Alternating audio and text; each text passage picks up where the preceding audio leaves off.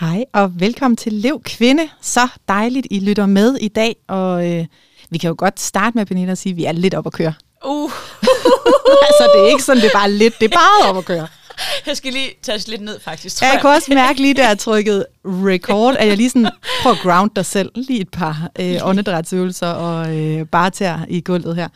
Fordi vi har jo øh, glædet os til dagens tema. Helt vildt. Vi er jo stadigvæk på øh, 6. Der er, Sexy times. ja.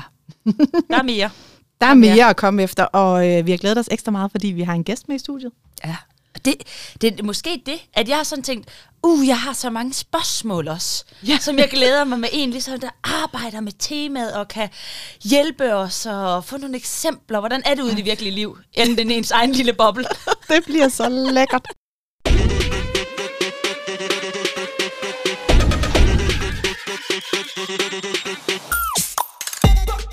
Og øh, derfor, stort velkommen til dig, Malene Holmand. Tak skal du have.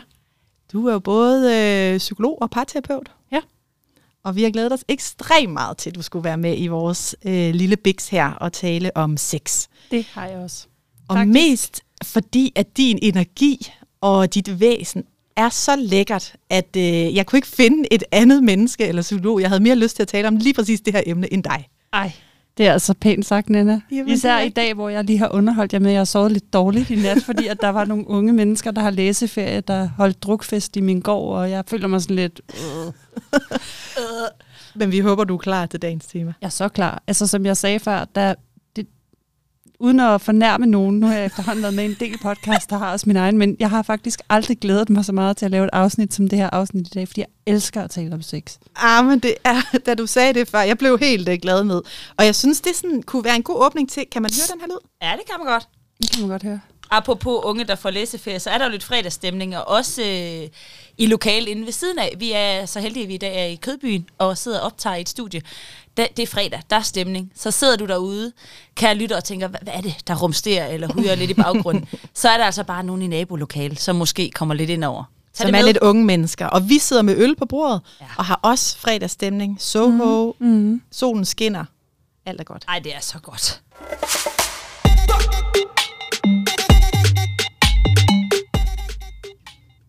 Men øh, det var jo ikke sådan en formel præsentation, vi der kom med. Det var bare et lille hej, Malene. Fordi jeg kunne godt tænke mig også bare lige at sætte et par ord på, hvorfor øh, du netop er med her. Du øh, har jo din egen praksis, ja. Levetid. Og øh, jeg synes, det er så fint, at når du beskriver, hvorfor den hedder levetid, så er det fordi, vi har et, altså et, et angivet antal år her på jorden, og hvordan kan vi få mest muligt ud af den tid? Ja. Øh, få mest mulig mening, arbejde mest muligt bevidst, for det ud af det, vi gerne vil. Ja, lige præcis. Og det er jo totalt i tråd med øh, den her podcasts formål, øh, som jo er netop at understøtte det med at leve hele liv som hele mennesker. At vi bliver lidt mere bevidste om, hvad gør vi, og hvorfor gør vi det, så vi ikke bare ender i hamsterhjulet og ikke tager stilling til, hvad ønsker vi at få ud af det hele. Lige præcis. Så øh, totalt øh, god forbindelse der. Og du har jo også en podcast, som vi kan varmt anbefale, der er hedder rigtigt. Forbundet. Ja. Ja, vil du sætte et par ord på, hvad formålet med den er? Ja. Det vil jeg gerne. Øhm, jeg er sådan dybt psykologisk forankret i tilknytningsteorien. Også i alle mulige andre strømninger, men jeg er meget optaget af, hvordan vi mennesker vi forbinder os til hinanden gennem hele livet. Altså i arbejdslivet, i sexlivet, i parforhold, i venskabelige relationer. Alle steder vi færdes, fordi jeg synes lidt i den tid, vi lever i, der har vi glemt, at vi er bonding wired mammals. Altså mennesker er bygget til tilknytning mere end mange andre pattedyr. Altså en hjort er langt mere selvhjulpen en time efter den er født, end en menneskebaby er. Ja, det er jo egentlig vildt at tænke på. Det er ret vildt at tænke på. Ja. Så det ligger mig meget på sinde, det der med at få udfoldet, hvor vigtig tilknytning faktisk er i alle mulige sammenhænge. Og øh, derfor kan vi varmt anbefale at gå ind og lytte den. Det er jo også forskellige psykologiske temaer, og netop med til at skabe noget selvreflektion hos en selv inden for øh, forskellige emner. Og også inden for sex, hvis Ja. man ønsker at blive endnu mere inspireret. Mm. Du sagde, at du har aldrig glædet dig mere til at tale om det her emne. Hvorfor? Hvorfor føler det, og er så vigtigt for dig? Det er fordi, at jeg ved, at der stadigvæk er meget ofte meget skam eller frygt for afvisning forbundet med at tale om sex med nogen, der er vigtige for en. Ja. Uanset om det er ens øh, partner eller flere partnere eller ens nærmeste venner, og særligt når sexlivet bøvler. Det er, falder ofte de fleste nemmere at komme og sige et eller andet når det er nemt og når det er godt, men når det bliver svært, og det gør det for os alle sammen på et eller andet tidspunkt. Det er en utopi at tro, at man går igennem et helt menneskeliv og ikke har perioder, hvor at, øhm, at ens sexliv eller sexlyst volder en udfordringer. Ja. Og det synes jeg, vi taler for lidt om og støtter hinanden for lidt i. Fordi, fordi vi ikke taler særlig meget om det med vores nære relationer, så har vi heller ikke muligheden for at støtte hinanden i det.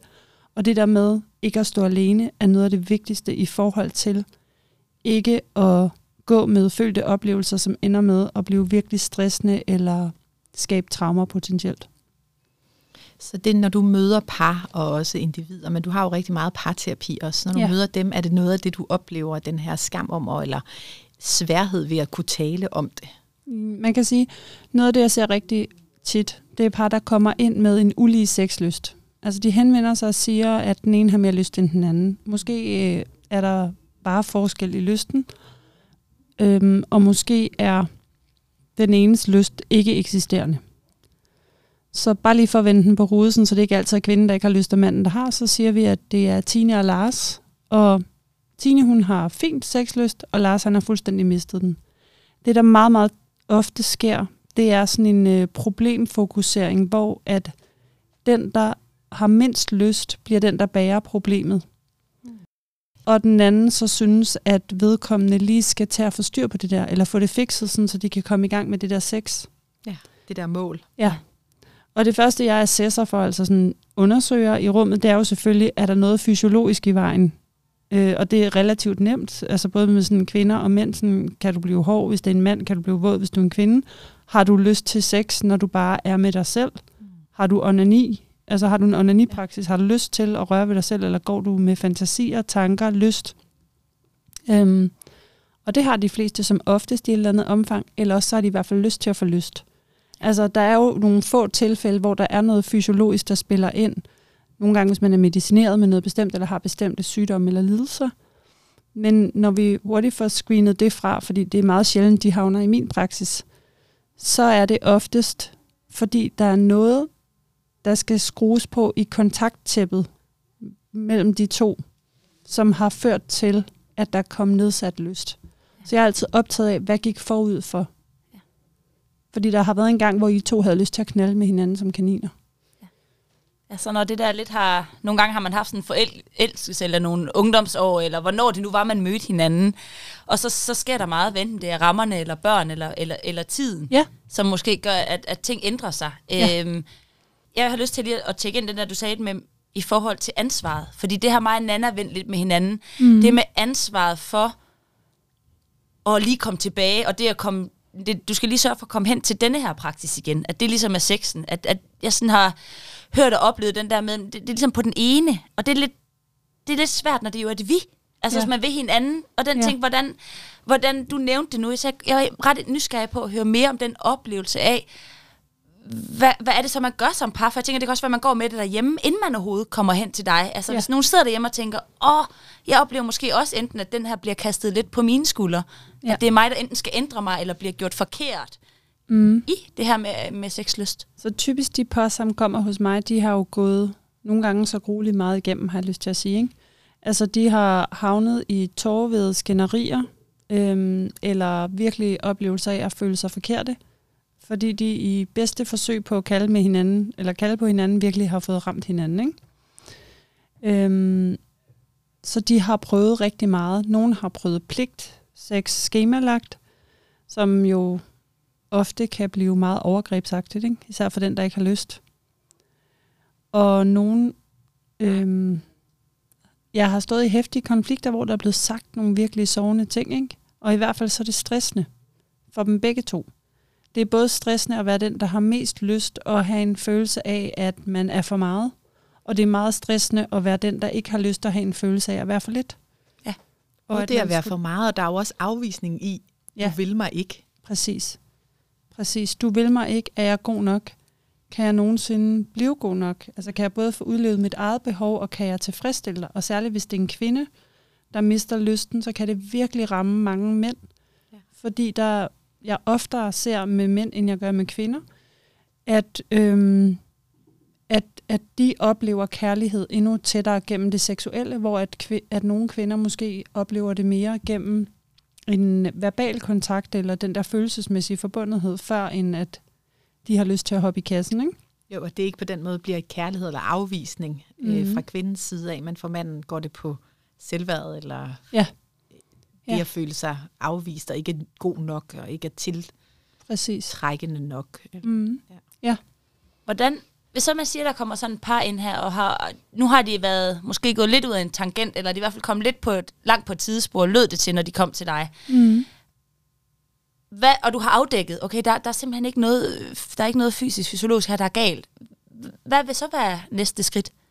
Jamen, den måde, jeg arbejder på, jeg arbejder øh, det, der hedder EFT, som er em- emotionsfokuseret terapi, og der er vi optaget af, hvad det er for nogle mønstre, der trækker par væk fra hinanden.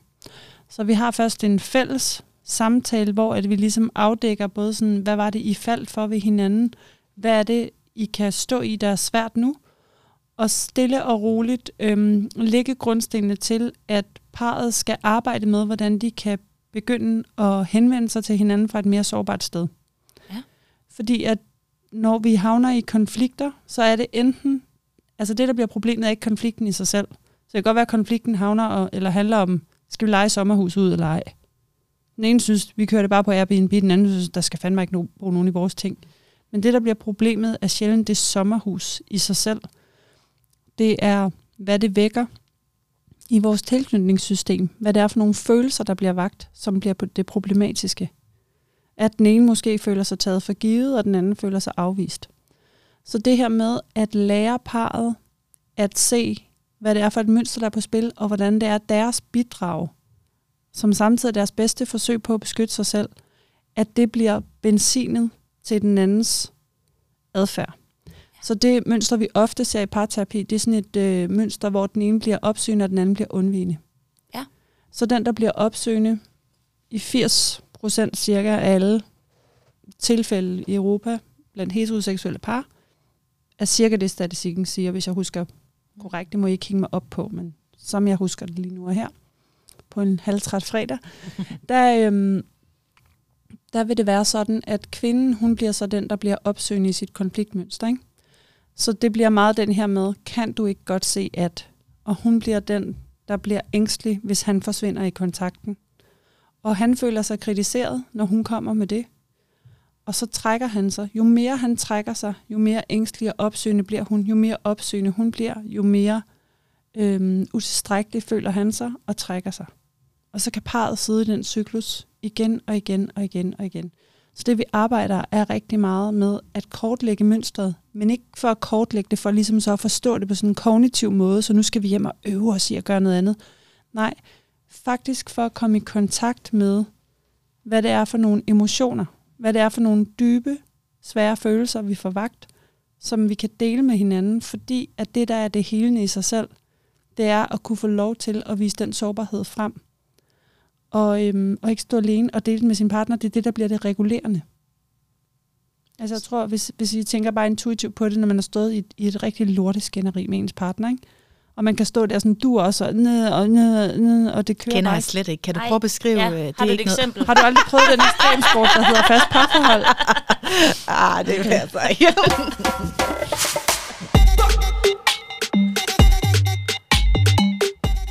Ej, undskyld for at afbryde. Ja, når man står der, og så skænderiet i sig selv jo, altså hvis Ja. jeg bagefter skulle fortælle, hvad det havde handlet om, jeg ved det ikke. Præcis, Ja. lige præcis. Ja, og nemlig. kender I så det, så når man til sådan et punkt, hvor det lige pludselig, så, så knækker kurven, og så kan man bare nå hinanden. Og tit kan man ikke svare på, hvorfor. Og det, som jeg ser, når jeg sådan har kigget på sådan noget videomateriale, og sådan noget, som parterapeuter gør, jeg ser det jo også i mit parterapirum, når der er nogen, hvor mønstret tager dem, mens de sidder der, ikke? Det er jo, at jeg hjælper dem til at se præcis, hvad det er, der trigger dem, og hvordan det er, at de kan meddele det, så de kan processe det sammen, i stedet for, at vi bliver trigget, og enten går og gemmer på det, som er det, den undvigende typisk gør, eller bræller det ud som kritik, som er det, den opsøgende oftest kommer til. Det kan også være andre mønstre, vi havner i, men det er et af de, vi ofte ser. Så når jeg sidder med par, hvor at der er ulige sexlyst, så er der i mere end 95 procent af tilfældene, af min erfaring så far her, tre år ned ad banen som parterapeut, at, øhm, at det, der er gået forud det er mange loops, hvor at mønstret har taget dem og slidt på kontakten imellem dem. Så det at blive opmærksom på, at mønstret sker, altså det at blive Ja. ja. opmærksom på, at nu går jeg i det mode, Ja. at jeg lægger skyld over, eller øh, blamer, eller sådan Mm. Mm. kaster med et eller andet. Øh, Og, og, og blive øh, skarp på, okay, så når du gør det her, hvad er det så, der trigger mig? Hvad er det for en følelse, jeg får vagt? Og kunne meddele sig fra det sårbare sted, sådan, så kontakten ikke ryger, selvom man ikke får sit behov opfyldt. Fordi det er også noget, jeg ser. Det er, at et par kommer ind ad døren, og så er det sådan, ja, men øhm, jeg har jo også sagt, at øh, ja, men hvis jeg ikke snart får noget sex, så, så ved jeg ikke, om jeg kan blive i det her. Ja, det kunne jeg forestille mig var manges indgangsvinkel Ja. til Ja, din ja, ja. kontakt. Ja, Ja. ja. helt klart. Altså sådan, som jo lyder som sådan en trussel for den, der får det, ikke? Og, og på en måde også er det, ikke? Og for den anden, der er det jo sådan en desperat råb om, jeg savner dig. Jeg føler mig simpelthen så lidt værd, når du ikke begærer mig. Øhm, og det der med at få pakket ud, hvad det er, der er bag, så ser jeg igen og igen, at når kontakten bliver genskabt, når vi får restruktureret mønstret, så er det, at det der med at få opfyldt det der ydre behov, det bliver meget mindre vigtigt. Et eksempel. Jeg har et par, jeg har arbejdet med, hvor at de har en, de har ikke ulige sexlyst i forhold til sådan frekvens, men de har en forskellig sexlyst i forhold til, at den ene har meget lyst til at blive domineret, og den anden har nogle gange lyst til at dominere, men slet ikke i samme omfang, som den anden har. Og det, der har, det, jeg har hjulpet dem med at få øje på, det er, at problemet var faktisk for dem aldrig, at den lyst var forskellig. Problemet var, at den, der havde mindst lyst til at dominere, kom til at overskride sine egne grænser i bedste forsøg på at opfylde den andens behov. Så det til sidst blev alt for meget kvalmende, og den anden er kommet til at presse på for at få mere af det, i håb om at føle sig connected igen, fordi det har været nogle af de øjeblikke, hvor den part har følt sig allermest forbundet til den anden. Og hjælpe med at se det, så nu er det et sted, hvor at, jamen, der er ikke så meget dominant, som den ene troede, at den ene ønskede sig. Men der er kontakt, og det betyder, at de kan tale fuldstændig åbent om sexlyst og kan anerkende hinandens forskelle. Så behovet heller ikke bliver så stort. Præcis. Altså, det er jo Altså, meget når vi- interessant. Når vi Helt begynder at føle os meget sådan rigidt, at sådan, jeg skal have det der, for at jeg føler mig elsket, og så samtidig måske opdage, at hvis jeg får det, så føler jeg mig faktisk ikke så elsket, som jeg havde håbet på. Ja, det er jo meget det, noget- vi har været inde på også med mange af dem, der lytter med her. Den, som er vores oplevelse af det der med, hvad er det, der egentlig går ind og, øh, og trigger os, og egentlig sker hos os. Ikke? Ja. Så, så selvom at vi bliver vi gør noget, så er det jo et forsvar mod noget andet, så er det fordi, jeg eftersøger forbundetheden igen. Ja. Ja. Jeg eftersøger at have en tæt kontakt. Lige Men det er ikke præcis. det, jeg får vist. Altså, for jeg får brokket mig over, at der aldrig bliver gjort dit, dut og dat, og jeg skal også sørge for, og sådan og sådan mm. og sådan. Mm. Jeg får ikke stillet mig der. Det, jeg hører dig sige, det er ligesom, hvordan bliver vi opmærksom på det, så jeg faktisk tør stå med sårbarheden. Altså det, jeg er blevet ked af det over, det, Ja. jeg er blevet skuffet over, eller det, der gør ondt, og turde stå der og fortælle, hvad jeg oplever. Ja, der er meget stor forskel på, nu tager vi lige et tænkt eksempel, som sagtens kunne være rigtigt. Ikke? Øhm, et par har en konflikt, og øh, hun bliver den opsøgende, han bliver den, der tilbagetrækker og bliver mere undvigende. Ikke? Og så øh, falder det sådan okay til ro. Men dagen efter, der har hun et behov for, at han kommer til hende, og ligesom siger, hey, jeg kan sgu godt se, at det var noget lort i går, og jeg ved godt, jeg trækker mig og sådan noget. Men det gør han ikke. Og det gør man oftest ikke som den tilbagetrækkende, den undvigende, indtil man lærer det. Fordi det er jo netop det, der føles utrygt at være i konflikten, fordi man er bange for mere kritik. Og så føler hun sig overset, ikke? Og senere hen, da børnene så er puttet, så øh, prøver han at lægge op til sex, fordi han vil faktisk virkelig gerne reconnecte med hende. Han vil gerne have hende tæt på. Og der er det jo virkelig nemt for hende at blive trigget, ikke? Fordi, hallo, du så mig jo ikke. Nej, hvad tror du selv? Ja, så han siger sådan, ej, det vil, ej, kommer du ikke? Så han siger måske sådan, ej, kommer du ikke herned? Sådan med den der lidt kælende stemme, ikke? Og der er det lige der, der er det jo så nemt at, i sit sårede hjerte at blive trigget og så sige, undskyld, hvad havde du regnet med? Altså, det er mig, der har puttet børn, og du kan ikke engang finde ud af at komme tilbage og anerkende mig for lalala i går, ikke?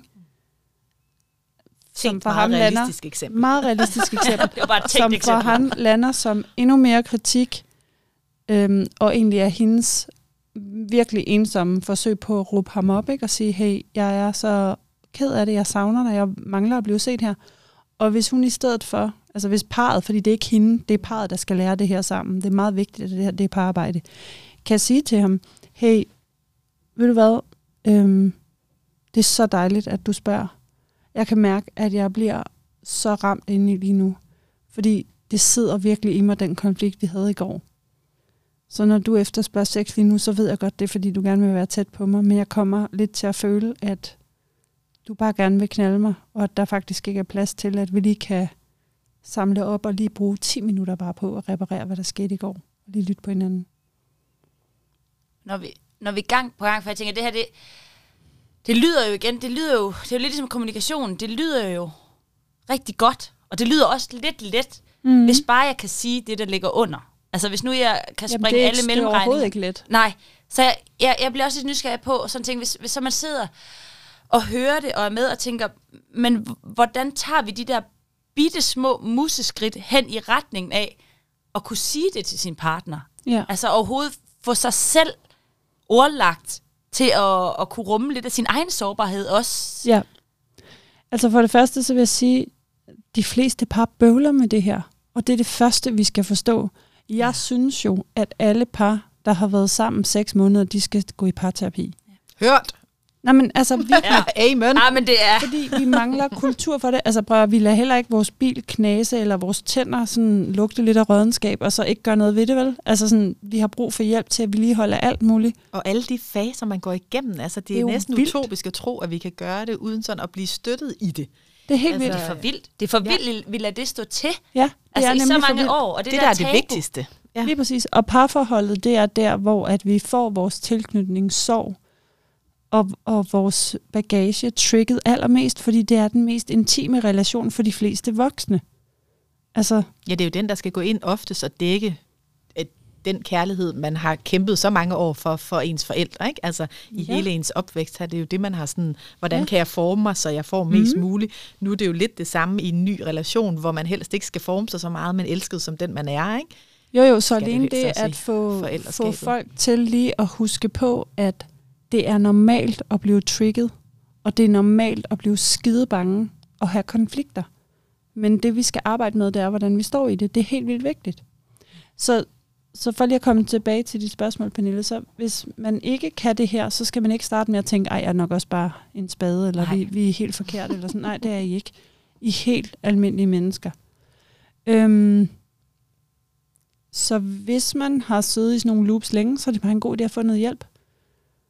Øhm, og, og det kan for mange være en overvildelse, det der med at gå i parterapi. Ja. Men altså, det er bare en god idé. Og hvordan, Jeg tror bare, hvordan bliver man overhovedet det. klar, at man sidder i et loop? Det gør man ved, at man kan sætte sig ned og så tænke på de sidste tre skænderier, man har haft. Ikke? Og så kan man jo lige overveje, om man egentlig nærmest kunne have skrevet en drejebog over det. Men som at det gentager så sagde sig du, jeg, altså i så sagde han, så gjorde ja. det, så reagerede jeg sådan her, så, så trak han sig, eller så følte jeg sådan her, så x, y, z, ikke? Mm. Og I sidder begge to og nikker, fordi sådan, ja, vi ved cirka godt, hvordan rigtig meget af det udspiller sig. Vi kan godt lave en manuskript. Ja, og vi kan Ja. gentage det. Så det, jeg, det, jeg tror også overraskelsen, netop når vi taler om det her, er, det, det er så vildt, at vi ikke en på en eller anden måde går noget med, med det, og jeg siger vi, det er både dig, kære lytter, det er jo også os herinde. Vi, vi har den her forventning om, at vi skal kunne gøre noget, vi aldrig har øvet os på. Ja. Ja. Altså mig, det der billede af den der fodboldbane, og sige, hej, har du set fodbold nogensinde? Ja, Ja. ja her er en fodbold, hvad skal gå ind og spille? Og Men så jeg forventer kan, vi. Ja, men jeg kan godt forstå, at det er sådan, fordi vi har, altså for det første lever vi i et land, nu bliver jeg en lille smule politisk, ikke? Vi har ingen ordentlig familiepolitik i det her land. Altså i Norge, hvis du skal have børn, så bliver du tilbudt et prep-kursus. Var du på det i Norge? Jeg skulle lige til at sige, jeg tror sgu, de glemte mig. Okay, men altså, altså, det, der, altså, vi har bare ikke nogen kultur for parterapi i Danmark. Hvornår har I sidst været til en middag, hvor der er nogen, der sidder, et par, der sidder og siger, vi bøller med vores parforhold, vi får noget hjælp? Ja, nej, nej, men det Har I nogensinde oplevet det? Nej. Nej, det er så skamfuldt. Altså, det, det er jo forventet, at det skal vi kunne løse Det er det. i huset, i hjemmets fire vægge. Præcis. Folk de fortæller, at de har været i parterapi, når de enten har overkommet en krise, og det gik godt, eller de er blevet skilt. Jeg vil høre parterapeuter og seksologer, der vil sige, at, at de jo kommer med skilsmissepapirerne i hånden, og seksologerne er sådan, der, der er gået så lang tid, så alt det, når det begynder at ryge lidt af sporet, eller at man bare skal forebygge det ikke eksisterende. Og det er Ja. lidt det, jeg synes er så, øh, ja. altså, Ja, det er det. det. det er så vildt. Der er mange, der kommer meget sent i parterapi, og det betyder ikke, at det ikke kan blive godt eller ikke kan lykkes, men det betyder, at vejen er oftest længere, og at der jo så er nogen, der ikke klarer den. Altså det er jo heller ikke alle parforhold, der skal klare den, vel? Men der er nogle gange, at jeg som parterapeut ser nogen, hvor jeg tænker, hvis I var kommet et år eller to tidligere, så havde vi haft et helt andet udgangspunkt, fordi de simpelthen er så slidte i koderne af, at have stået der så mange gange, så der næsten ikke, eller måske ikke er kræfter til at lave den indsats, det kræver Og- at vende det, ikke? Og vi talte om, Pernille, i dag, da vi øh, lige summede lidt over emnet, var det jo også meget det her med, faktisk på bagkant af de seneste to øh, afsnit, vi har ude også omkring sex, at vi skulle passe på med det, så ikke pludselig blev man sad og lyttede med og tænkte, gud, er der noget galt med mig? Fordi altså, Ja. man kan hurtigt også føle sig forkert sådan at tænke, øh, jeg skal da også have et problem. Ja. Eller sådan, Hvis ikke? man altså, ikke Ja. synes, Ja. at det er problematisk, hvis man synes, ting går godt, og man oplever, at man har et godt sexliv, men så, du ved, den der sociale del af os, der er sådan, jeg vil være en del af flokken, så, Ja. gud, så er det mig, der er noget galt, men nu, jeg har nok et problem, jeg ikke kan se. Ja. ja, tør jeg bare ikke snakke om Ja. det, ikke? Du hvad, hvis du har det fint, så har det fint, så, altså, så bare fortsæt med at have Ja. det fint. Ja, Go det, with the flow. Go with the flow. Så det var også bare én ting, jeg vil sige. Og så også det der med, øh, at det er jo sådan også lidt ligesom at gå til psykolog, eller sådan. Altså, hvornår bliver det normaliseret så meget, at vi ikke føler, at der er noget galt? Fordi hvem tør at åbne den derhjemme? Mm-hmm. Hvem tør at sige, jeg synes, vi skal gå til en parterapeut? Okay, synes du, vores problemer er så alvorlige? Ikke? Altså, der er jo et eller andet med, hvor, hvor alvorlige er vores problemer, i forhold til, om man vil gøre det, hvor, hvor den der sådan gængse forståelse af, lad os lige øh, udvikle os sammen. Ikke? Mm. Altså lad os lige snakke om, hvad er det egentlig, der sker lige nu i fase 1, 2 og 3 af vores liv. Altså vi mødtes midt i 20'erne uden børn, nu har vi haft børn nu. At, altså hvor er mm. vi henne? Hvad er det, vi skal arbejde med? Ikke? Jo. Øhm, og hvordan kommunikerer vi om det? Og særligt, hvis vi skal vende tilbage til dagens tema i dag i forhold til sex og intimitet, at det jo ændrer sig helt vildt. Ja. Og det er jeg lidt nysgerrig på, også din oplevelse. Du har jo forskellige aldre og sådan faser ja. i livet. Ja. Er det noget, du også oplever, som mange glemmer, at, at sex og intimitetsbehovet, lysten, Øhm, ændres? Ja, det, det oplever jeg, at der er en del, der ikke har blik for, men at det er jo egentlig ikke så meget problemet i sig selv. Fordi man kan sige, hvis at vi havde en praksis og en bevidsthed om, at det er sårbart at tale åbent om sex, og dermed også øh, kan tage den der interpersonelle risiko og gøre det. Og Så vil- interpersonelle risiko, så mener ja. du, at den, Der mener jeg, at når der er noget på spil, så er det altid sårbart at sige noget, der er sårbart. Ja. Så at sige til sin partner, hvor man måske har haft sex meget på den samme måde i otte år eller et eller andet, sige, ved du hvad? 15, Ja, 20. 15. Tænk et eksempel. og sige, ja, et eller andet, og sige, ved du hvad, øh, jeg går faktisk og, og leger med tanken om, at, øh, at dominere dig sønder sammen. Hvis en kvinde havde lyst til det. Eller, jeg kunne virkelig godt tænke mig at blive slikket i røven. Eller whatever. Altså, at indholdet er på en måde lige meget, ikke? Og dog. Jeg skulle lige til at sige, jo er det mere, det? Jo mere øh, øh, det, man har lyst til, måske ikke er det, som Afviger masserne normen. Ja, har lyst til. Jo mindre pænt det er, Ja. jo sværere er det som oftest at få åbnet for posen. Ja. Øhm, fordi at der jo selvfølgelig er mega meget på spil. Hvad tænker du om mig? Hvordan bliver jeg mødt? Altså bliver jeg afvist? Det er jo det, der at the end of the day står. Ja. Så, så det, det, de fejl, jeg tit ser, at vi kommer til at begå, og jeg havde egentlig lidt ordet fejl, men nu fik jeg sagt det alligevel, så jeg laver lige en gendrivelse. men det, jeg ser, vi tit kommer til at gøre, ikke? det er, at så kommer vi til enten at hente eller stille spørgsmål. Så et eksempel er et par, jeg havde, hvor et manden han havde mega meget lyst til, at de skulle øh, i gang med en tantrisk praksis og have en helt anden øh, fortættelse. De skulle have en helt anden fordybelse i deres sexliv. Øhm, og det har han så gået og tænkt rigtig meget over. Han har researchet sindssygt meget, læst en masse, uden at indvige ja, i det. lige glemt, at der var en anden ja, part. Ja, ja, klassisk sådan. Jeg, er, jeg kan blive lidt undvigende, ikke? Øhm, han har gået og researchet på alt det der, og så en dag, hvor de står og laver mad sammen, og børnene, de karter rundt, ikke? Så siger han sådan lidt til hende over, mens de står der side om side og, og ordner aftensmad, så siger han til hende, Nå, men jeg har også kigget på, altså, at det kunne måske være meget spændende at prøve sådan noget tantra. Sådan lidt henslængt. Er sådan lidt henslægt. Det, Smooth Det er, operator. ikke, det, er ikke så, det er ikke så vigtigt for mig, men jeg, jeg tænkte bare lige ja, på. ligesom, ligesom vi kunne også, jeg kunne også overveje, at vi kunne købe skalotteløg i stedet for ja. de Ja. røde løg, vi Ja. står hakker. Så får han sagt, at det kunne være spændende at prøve noget, altså det kunne være fedt med noget tantra, hvor til at hun, så, hun står der, og, fordi vi får lavet den her ud i parterapi. Ja. Syv år efter venner. Mm? Ja, syv år efter situationen. Yes, ja. yes. ja. No. Fordi det, der så sker, det er, at hun står der, hun har hentet børn og arbejder, bla bla bla, og hun tror bare, de står og chit-chatter, ikke? Ja. Og hun står, det hendes første tanke, er, tantra, det gider jeg sgu da ikke, det er sådan noget, hvor man ikke må komme. Så det er det, hun siger til ham. Hun siger, tantra, det der gider jeg sgu lige ikke. et års research. Det, præcis. Og han følte jo, at hjertet sank i livet på ham. Fuck, hun har ikke lyst til det, jeg har lyst til, jeg kan lige så godt give op. Så er vi ikke meant to be. Nej, så der har han så trukket sig. Og så har de bare haft mindre og mindre sex, og så kommer de jo hos mig. Og så er det, da vi begynder at pakke ud og folde ud, og mønsterspejling og validering af, at det giver mening, der hvor I står og sådan noget. Og så, øhm, så får jeg så pakket den her ud, fordi jeg har altid en fælles session med parret først, og så har jeg en individuel session med dem hver især inden vi går på fælles sessioner igen, ikke? for at afdække tilknytningshistorik, og har der været særlige tidspunkter, hvor du har følt dig virkelig forladt af din partner og sådan noget. Ikke? Og der er det så, at han nævner det her, og der er så meget energi, da han siger det. Altså, du kan se simpelthen, altså tårerne står op i hans øjne, ikke? og hun anede det ikke. Nej, hun havde jo troet, de snakkede om rødløg. Ja. Og det her, det kan ske i så mange parforhold, ikke? Så hvis, hvordan kan man så, hvis man gerne vil være lidt mere, for eksempel smooth operator, og tænke, hvad, Mindre. Hvad, lidt, ja, jeg er faktisk med, at man gerne være lidt mindre. Ja. Hvordan kan man så åbne det her? Ja, Altså, hvad er der på spørgsmål. at kunne... Jamen det er jo at sige, prøv der er noget, jeg gerne vil tale med dig om, og det er lidt sårbart for mig. Fordi at det, det, der er noget, jeg går længes efter seksuelt, og jeg er lidt bange for at blive, eller måske rigtig meget bange for at blive afvist. Der er nødt til at sætte Alene Så sig- det- han indstiller. Ja. Alene det at, sige, at sætte scenen for det, har Ja. man så sin partners fulde opmærksomhed? Det tror jeg nok, ikke? Og kræver det mod at gøre det der. Ja, Ja, det gør det. Det er jo den afvisning, altså den der, vi taler om største frygt, altså tænk, du mister kone og børn, eller mand og barn, at hvis de bare siger, at du er for meget, eller Ja, det vil jeg ikke. Altså præcis. den der frygt, der ligesom kan... Og så det med at sige, at jeg har gået og tænkt på, at jeg synes, tantra, det kunne være spændende. Fordi sådan her, og jeg har læst sådan her, og lalala. Altså, de fleste, de vil jo lytte nysgerrigt og opmærksomt. Det kan godt være, at man bliver bange eller overvældet og sådan noget, men så at kunne sige det. Vi har talt om det der med at få vid på banen, fordi jeg synes, det er så vigtigt, at, Mhm. mm-hmm. at, at hvis man tænker, jeg vil så gerne os ja. I det her. Ja. Jeg gad så godt, at vi to, jeg bruger ofte det der med superelskere, eller sådan, at vi kan Ja. være hinandens superelskere. At det, Ja. ja.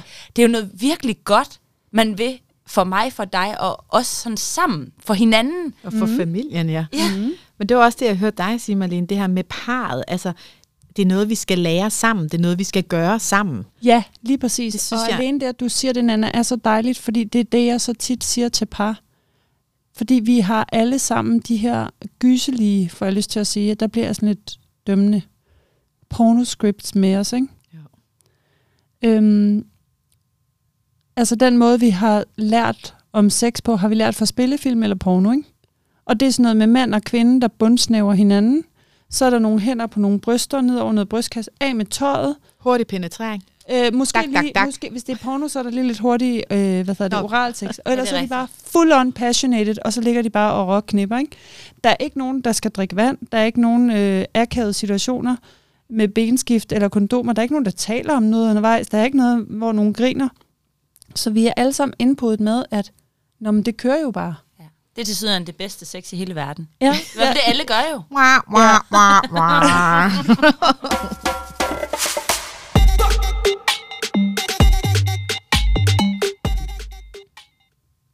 Du nævnte det, fordi... Det nævnte jeg, fordi at vi har alle sammen det der scripts, og det skal vi dybest set aflære. Så jeg ser, at de fleste mennesker, de går igennem sådan en udvikling, hvor at så, altså undskyld, jeg siger det, vi boller bare derud af efter på bedste beskub, ikke? Jo, jo, fra teenageårene lærte, Ja, ja, sådan her skulle jeg sige og gøre. Og... Ja, så lærer vi noget, der er nice og sådan noget. Altså ikke, at vi har dårlige sexliv, men for manges vedkommende, så når de til sådan et punkt, hvor det sådan, det, hallo, der mangler noget, der er ikke rigtig fedt. Mm. Og det der med faktisk at kunne begynde at have sex fra et sted, nu har jeg også hørt jeres to tidligere afsnit, hvor at vi får taget alt det der forpulede performance ud af ligningen. Mm. Altså, hvor at sex handler om kontakt og nærvær lige nu og her. Og det kan lyde så fluffy, men bare det der med, at, øhm, at starte med at sidde for eksempel og interviewe hinanden. Lave sådan en deling. Så hvis vi to er partnere, så skal jeg lytte på dig. Og det er det eneste, jeg, min eneste opgave, det er at prøve at lytte og forholde mig åbent. Og så lader jeg bare dig tale om, hvad du enten kunne gå længes efter, eller hvad du har været nysgerrig på. Hvad du har fantasier. Ingen forpligtelse til at udleve noget. Men bare, bare at prøve at gøre det, det er jo et helt andet sted at starte fra. Og også øh, intimiderende. Altså sådan skræmmende, helt. bare det du siger det, tænker mm. Ja. Det kan jeg godt forstå. Ja, for rigtig mange. Er svært. Ja. Ja, ja. langt fra, hvis forestillingen stadigvæk er om, at sex er den fysiske akt, og hvis vi er heldige oral sex eller andet, men ellers penetration. Altså, det er, jo, det er jo så langt fra Ja. det at forestille sig, at det starter et andet sted. Det er jo lidt fint at sige, at godt sexliv giver et godt parforhold, og sådan venden på hovedet, et godt parforhold giver et godt sexliv. Lige præcis. Men sådan, for jeg tænker sådan lidt, man, jo, man bliver hævet længere væk, så man synes, man er lidt, lidt langt væk fra det i forvejen, Mhm. mm. så kan det jo føles som om, at man bliver hævet endnu længere væk, når målet nu for eksempel er, ja. det er sex. Altså så lidt, hvor- hvordan... Men det interessante er, at når man går i gang med det, så er man jo allerede i gang med at have sex. Okay. Altså forstået på den måde, at, at det vi alle sammen længes efter i sex, det er kontakt. Ja. Det er et tæt og intim kontakt, og det er jo allerede i gang, hvis man sidder og lytter på det.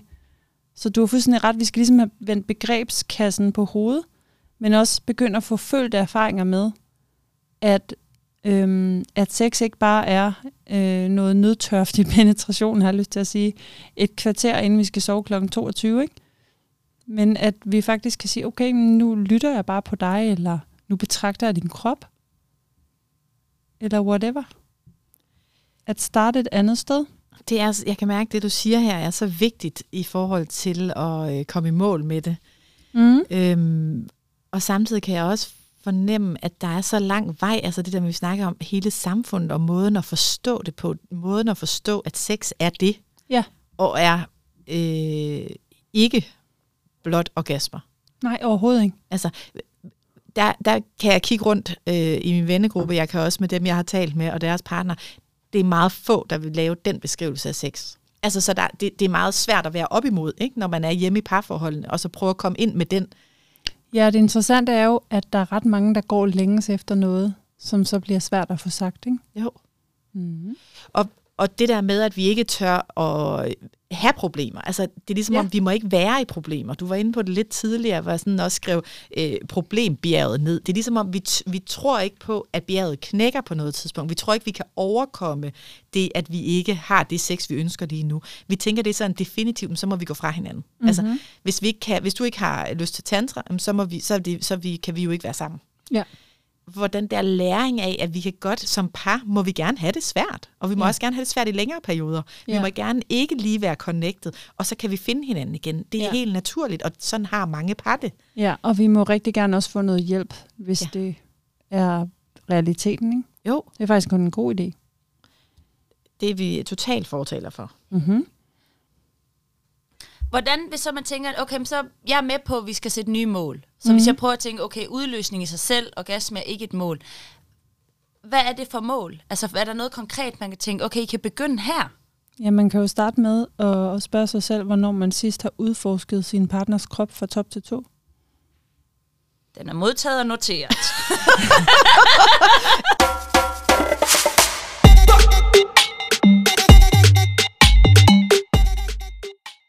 Okay, okay, okay, okay, okay. Kære lytter, vi øh, er helt vildt glade for, at du er med. Vi er nu øh, igennem første del af samtalen med psykolog og parterapeut Malene Holmand. Næste del af den her samtale, den kommer lige ind i din øregang på næste fredag. Der er flere tips og tricks. Vi er omkring øh, rollespil i parforhold. Og så er der en lille lytteudfordring, som øh, er fra Malene. Den er også til Nana og jeg. PT ligger vi selv under bussen, men vi appellerer til fællesskabet og vil rigtig gerne have dig med på den. Frem til da, rigtig god fredag.